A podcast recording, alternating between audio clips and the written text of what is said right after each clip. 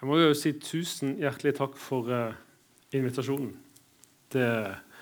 Og så har jo Sunnmøre vist seg fra sin aller, aller beste side, vil jeg tro.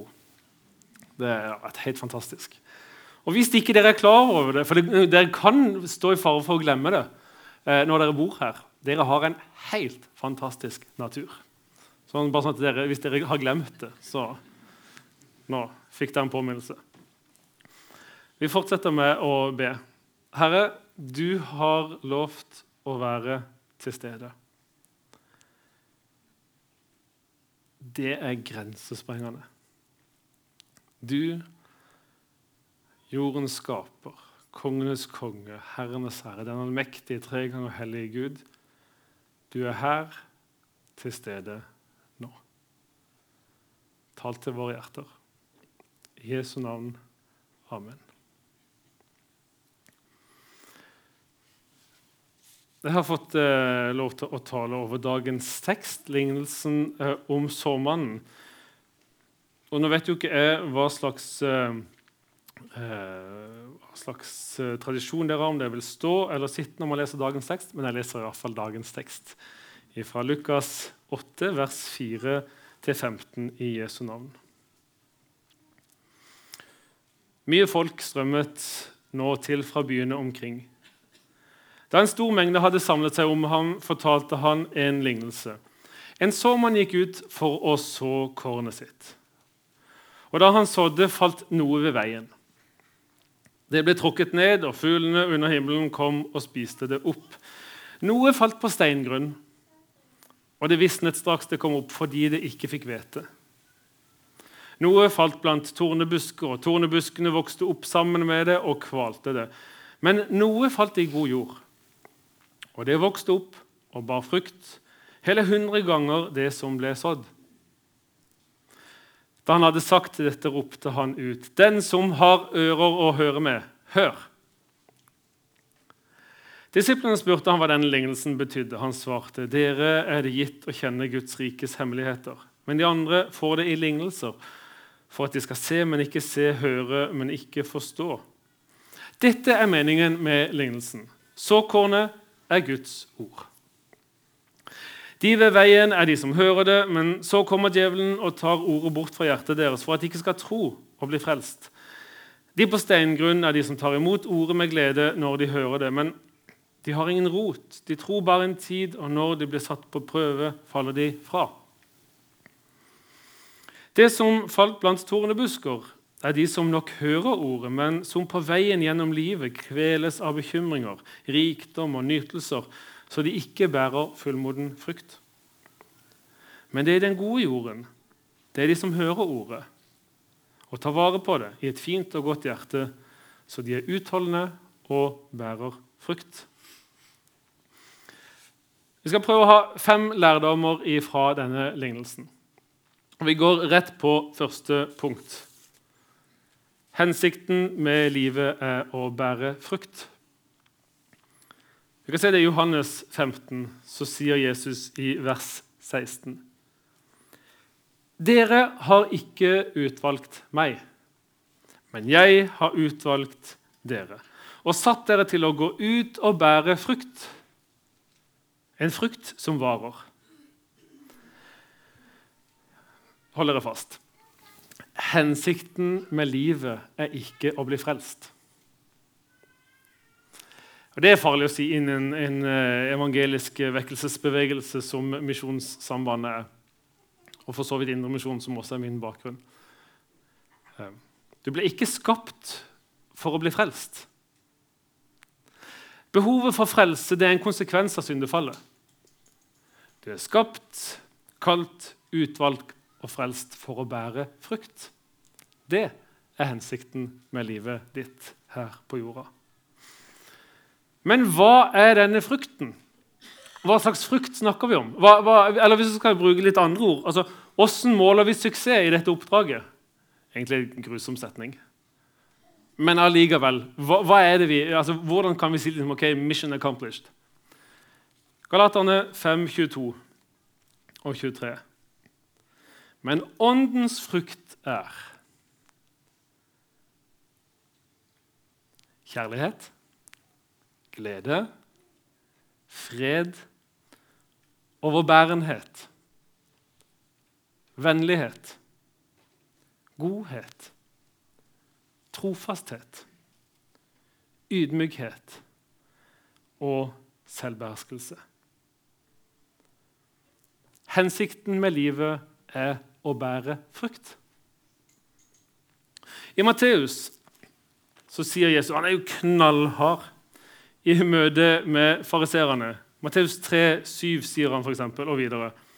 Men da han så at mange av fariseerne og sadukeerne kom for å bli døpt, sa han til dem.: Ormeyngel, hvem har lært dere hvordan dere skal slippe unna den vreden som skal komme? Bær da frukt som svarer til omvendelsen. Og tro ikke at dere kan si til dere selv at vi har Abraham til far. For jeg sier dere, Gud kan reise opp barn for Abraham av disse steinene. Øksen ligger allerede ved roten av trærne. Hvert tre som ikke bærer god frukt, blir hugget ned og kastes på ilden. Og Vi tar med oss dette i Lukas 6, 43. Så står det det fins ikke noe godt tre som bærer dårlig frukt. Heller ikke noe dårlig tre som bærer god frukt. Et tre kjennes på frukten. En plukker ikke fiken av tistler og høster ikke druer av tornekratt. Et godt menneske bringer fram godt av hjertets gode forråd. Et ondt menneske bringer fram ondt av hjertets onde forråd. For det hjertet er fullt av, det sier munnen. Hensikten med livet er å bære frukt. Det er det som er målstokken for om det er liv der inne. For hvordan det står til med hjertet ditt. Frukten i ditt liv er et resultat av tilstanden til hjertet ditt. Hensikten med livet er å bære frukt. Første lærdom i, fra lignelsen om såmannen. Andre lærdom Guds rike er som et frø. Det er et av postulatene Vi har Vi har tolv postulater i Familie og Medier som vi liksom er viktige sånn grunnholdninger og grunntanker som skal styre vårt møte med omgivelsene. Dette er en av de, så tenker jeg Det var en rar postulat å ha. Men jeg opplever litt for ofte at vi forholder oss til verden omkring oss som at, som at den, den, kommer og, og slags, Det er en kamp der avkristninga kommer, og vi står på en skanse. 'Å nei, nå tapte vi kanskje den skansen, så må vi litt tilbake og så bygger vi en ny skanse.' Og ja, jeg tror vi står i en kamp, en åndskamp. Jeg tror det er noe å forsvare. Men først og fremst så er Guds rike et frø som bærer i seg kraften til å vokse fram og bære frukt. Jesus spør hva Guds rike er, og han skal ligne, ligne det med. I Markus 4 og så sier han det er som et sennepsfrø. Når det blir sådd, er det mindre enn noe annet frø på jorden. Men når det er sådd, vokser det opp og blir større enn alle hagevekster og får så store greiner at himmelens fugler kan brygge rede i skyggen av det. Frukten i Guds livet kommer ikke gjennom det imponerende, det, det iøynefallende, det store. Og Det tror jeg er viktig å huske i en medietid der, der vinnerne, der kjendisene heies fram og applauderes. Guds rike. Han har en helt annen målestokk. Nå skal jeg hoste. Jeg håper ikke det smeller for mye. Funka det? Guds rike er som et frø. Egentlig ikke så mye å skryte av. Wow, se på det frøet jeg har! Wow. Ikke så veldig mye å skryte av. Ikke noe som trekker til seg rampelyset. Ikke noe som applauderes. Men, men, det er noe som legges ned i det skjulte og har i seg en grensesprengende kraft til å sprenge seg opp gjennom jorda og bære frukt. Jeg synes Det er fantastisk. Guds rike er som et frø. Det var andre lærdom. Tredje lærdom. Det er vi sjøl som velger om hjertet skal bære frukt. Det kan være litt provoserende. Fordi livet møter oss med mye. Ifra det fantastisk vakre til det destruktive onde. Hvordan forholder vi oss til det? Hva gjør det med oss? Dette er ingen enkel, lettvint sak der vi alle sammen kan nikke og si at selvfølgelig er det det. Men det er allikevel det og kun det som velger om frøet skal komme inn i ditt hjerte og bære frukt. Du kan ikke skylde på omgivelsene dine. Du kan ikke skylde på hva livet har møtt deg med. Og Dagens tekst som vi leste, den forteller oss noe om det, om, om ulike måter å møte dette ordet, å møte Guds ord med. Og jeg synes det er fascinerende. Hebreerne 4,2 står det noe om, eh, om det gode budskapet er forkynt både for oss og for dem. Men ordet disse hørte, ble til ingen nytte. Og hvorfor ble det ikke til noen nytte? Nei, fordi det ikke ble ett i troen sammen med dem som hørte det. Et annet sted fordi, står det fordi det ikke ved troen var smeltet sammen med dem som hørte det. Det er du som velger om frøet skal få plass i hjertet og vokse fram og bære frukt. Så sier teksten, hvis du går tilbake til den, så, tegner han opp tre ulike eh, utfordringer, ulike skal vi kalle det, eh, mennesketyper eller typer av hjerter som møter på en måte, som møter frøet, som møter Guds ord på en måte som ikke bærer frukt. Det første tror jeg vi skal våge oss til å kalle for vantro. Han sådde noe, falt ved veien, og det ble tråkket ned, og fuglene under himmelen kom og spiste det opp. Overflaten var så hard at det frø ikke trengte inn, og fuglene kom og spiste det opp. Det lå der på overflaten. Flere steder forteller Bibelen om harde hjerter. Om mennesker som har hjerter som er av en sånn tilstand at det som møter det, det blir liggende på overflaten. Det spretter tilbake. Det når ikke inn. Harde hjerter. Når Gud snakker til dem, når Gud kommer i møte med dem Deres vantro stenger Gud ute. Og Det er en krevende sak. og jeg, kjenner jo ikke dere. Jeg vet ikke hvem dere er. Det kan godt være dere sitter der og tenker at eh, at dette kan godt være det. Det kan godt være dere sier og tenker at dette er første gang jeg er inne i en kristen sammenheng, og der smeller han til med meg og snakker om vantro og harde hjerter. Dette er en krevende sak. Fordi det, det er ulike ting. Kan, hva, hva, er årsakene til at mennesker møter det med, med det, det harde? For mange kan det være intellektuelle problemer som aldri har blitt møtt. Og så tenker de ok, jeg gir hele denne greia opp. Vi lukker den saken med Gud, og så går vi videre i livet. Dette er ikke intellektuelt holdbart. For andre så kan det være sår. Sår som har blitt påført de utenfra, kanskje av kristne. De har brent seg på kristne. Det fins ikke noe så vondt som å høre det. Mennesker som har brent seg på kristne. Og så har det gjort noe med deres bilde av hvem Gud er, eller såkalt er. Og så vokser det kanskje fram bitterhet og så blir overflaten hard. Så når Gud kommer med sitt frø, så møter han ei stengt dør. Det er vi sjøl som velger om hjertet skal bære frukt. Men av og til så legger kristne forholdene veldig godt til rette for at hjertet skal bli hardt. Det kan være ren ignoranse. Livet her og nå, det er det jeg har, og så gidder jeg ikke bry meg mer om det. Jeg har lyst til å komme med, Hvis du opplever at du er en av de, eh, ta de intellektuelle og det kan jeg utfordre dere som forsamling på, ta de intellektuelle problemene på alvor. Ikke vær den her som sier at nei, nå, dette, bare tro, ikke tenk.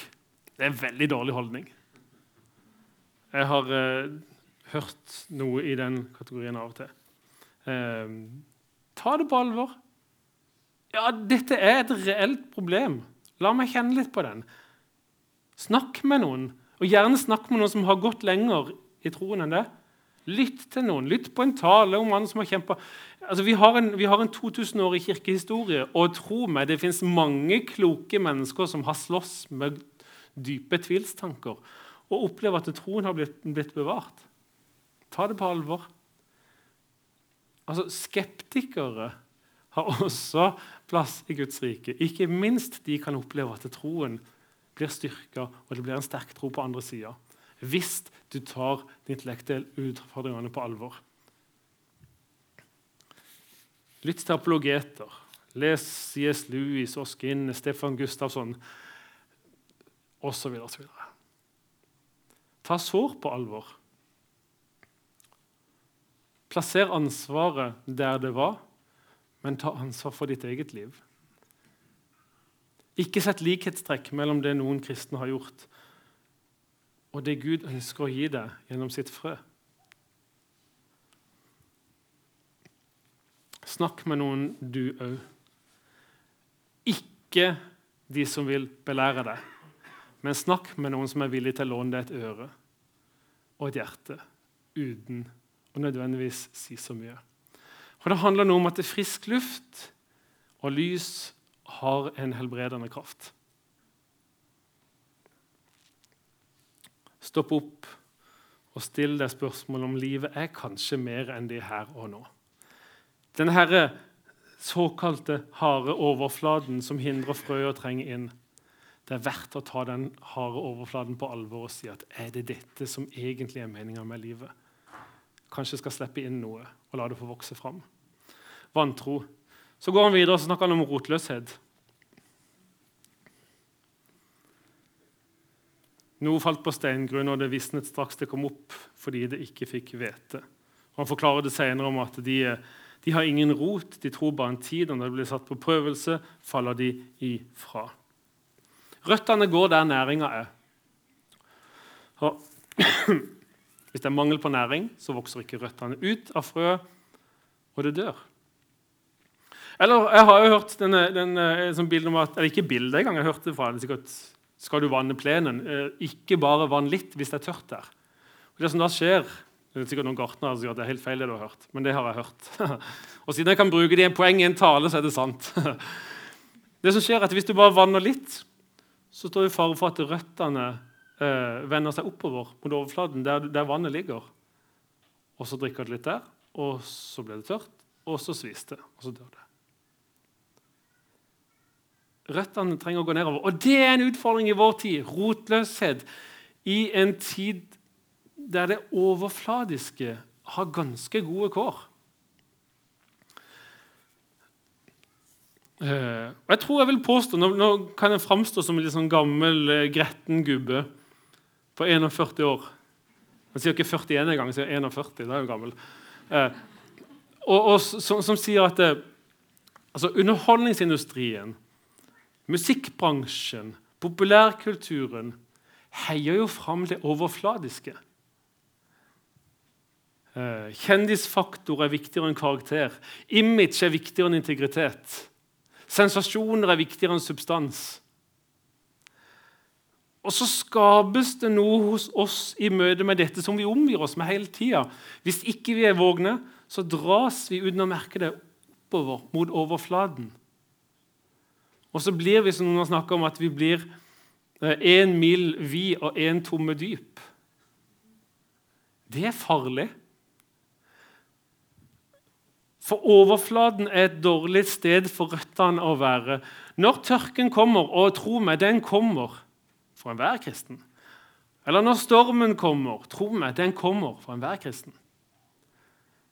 Hvis røttene er på overflaten, kan vi ikke tåle det overfladiskhet.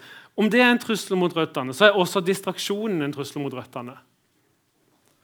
Der vi har push-varsler på mobilen, der vi har statusoppdateringer som skal postes eller leses, der vi har Instagram-bilder som, eh, som, som, skal tas, også, også, og mail som skal leses, og vi har på en måte tilgang til alt via en smarttelefon. Og det utfordrer eh, oss, ikke minst i møte med Jesaja 30, 16, som sier at i stillhet og i tillit skal deres styrke være. Vitnesbyrdet over Israels folke var fire utrolig triste ord videre i det verset. Men dere ville ikke. I stillhet og i tillit skal deres styrke være. Hva er vitnesbyrdet over våre liv? Gir vi rom for stillhet, og dermed også gir tilliten til Gud vekstvilkår. En plante, et frø, trenger tid og modning for å slå røtter, for å vokse. Det finnes ingen quick fix i å bære frukt. Og Min utfordring her er å skape rom for stillhet i hverdagen. Skap de arenaene der Gud får tale sine ord inn i ditt liv.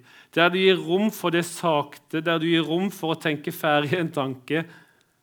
Refleksjon og modning.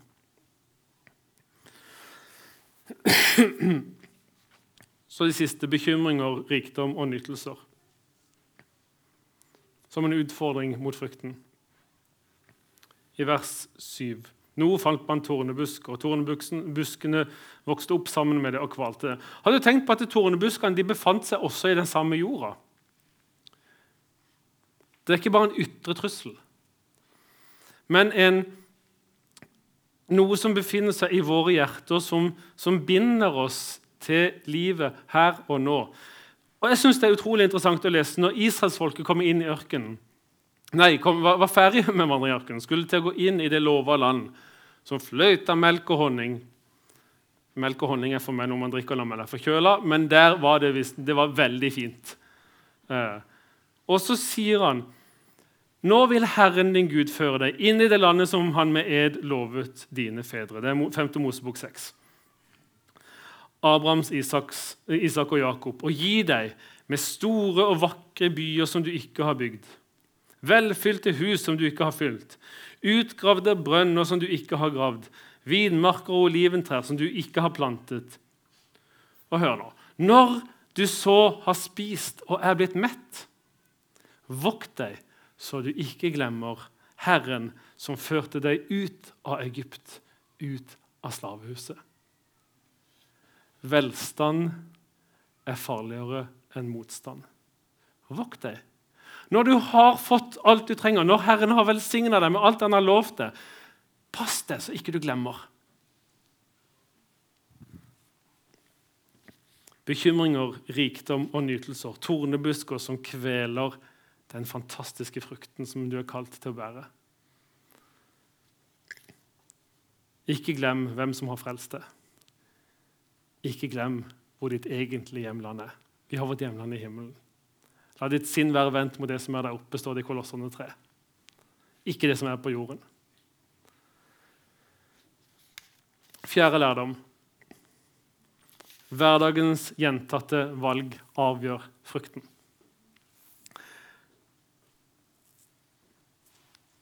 De som hører ordet og tar vare på det, står det om. Hadde jeg tenkt på Salme 1 det er jo en vakker salme som sier noe om dette. Om salig er den som ikke følger lovløses råd, ikke går på synderes vei, ikke sitter i spotteres sete, men har sin glede i Herrens lov og grunner på Hans lov dag og natt. Hvem er han lik? Jo, han er lik et tre plantet ved rennende vann. Det gir frukt i rett tid, og løvet visner ikke. Hverdagens gjentatte valg avgjør frukten. Det er ikke i de måte, store skippertakene. Det er ikke i de store inspirasjonsfylte konferansene, sommerstevnene eller søndagsmøtene, møtekampanjene. Det er ikke det som først og fremst preger litt liv, din karakter og avgjør frukten, men det er hverdagen din. Hva velger du der? Hvis barna skal definere hvem du er, og hva som er viktig i livet ditt, hva ser de da? Hvis dine prioriteringer forteller noe. Og Jeg skal passe meg så det ikke blir en sånn lovisk og, og dette er litt sånn uh, arena for dårlig samvittighet. Men jeg har lyst til å utfordre deg til å stoppe opp og gå tilbake og si at det, ja, det er dine valg som avgjør om det bærer frukt. Det er du som bestemmer det. Og hverdagens gjentatte valg avgjør. Jeg har lyst til å utfordre deg til tre-fire korte punkt. For det første, stopp opp. For det andre, bestem deg hva som er viktig i livet ditt. Og hvis det er viktig i livet ditt å leve nær Gud, for det tredje noe så teknisk som lag deg en liten plan, en rytme. For det fjerde, la den rytmen være overkommelig. Ikke tenk at nå skal jeg stå opp klokka fem hver morgen og be i to timer før jeg vekker ungene og sprudler. Og la det være overkommelig. Fem minutter eller tre minutter hver dag i 365 dager hvert eneste år, gjør noe med det. Lær deg et bibelvers utenat om morgenen. Kan være kort. Og så tenker jeg, ja, Det skal jeg prøve å huske senere i løpet av dagen. Be det bibelverset. Lag en rytme, La det være overkommelig. For det femte så kan du gjerne få en venn til å holde deg ansvarlig. Det er mye større sjanse for at du gjennomfører det. Hverdagens gjentatte valg avgjør frukten. Og siste lærdom.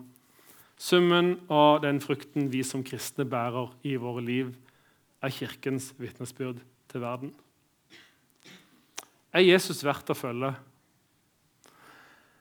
Det kommer ikke an på hvor fin bygning dere får. Det er farlig, nå tråkker jeg inn på noe farlig. Men, men, det er ikke det som avgjør misjonen. først og fremst. Det er et fantastisk redskap. Men det er ikke det som er vitnesbyrd til verden. Det er ikke de gode programmene. Det er ikke de imponerende talene. Det er frukten i våre kristnes liv som forteller mennesker rundt det. Er Jesus verdt å følge eller ikke?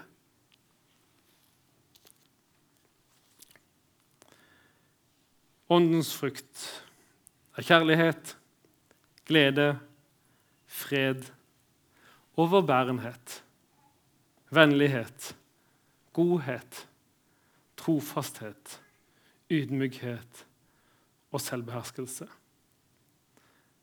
Kjenner du ettersmaken? Vakker ettersmak av Jesus. Den ønsker at omgivelsene skal sitte igjen med. Og frukten vokser fram i et hjerte som tar imot Guds ord, lever i Kristi lys. Amen.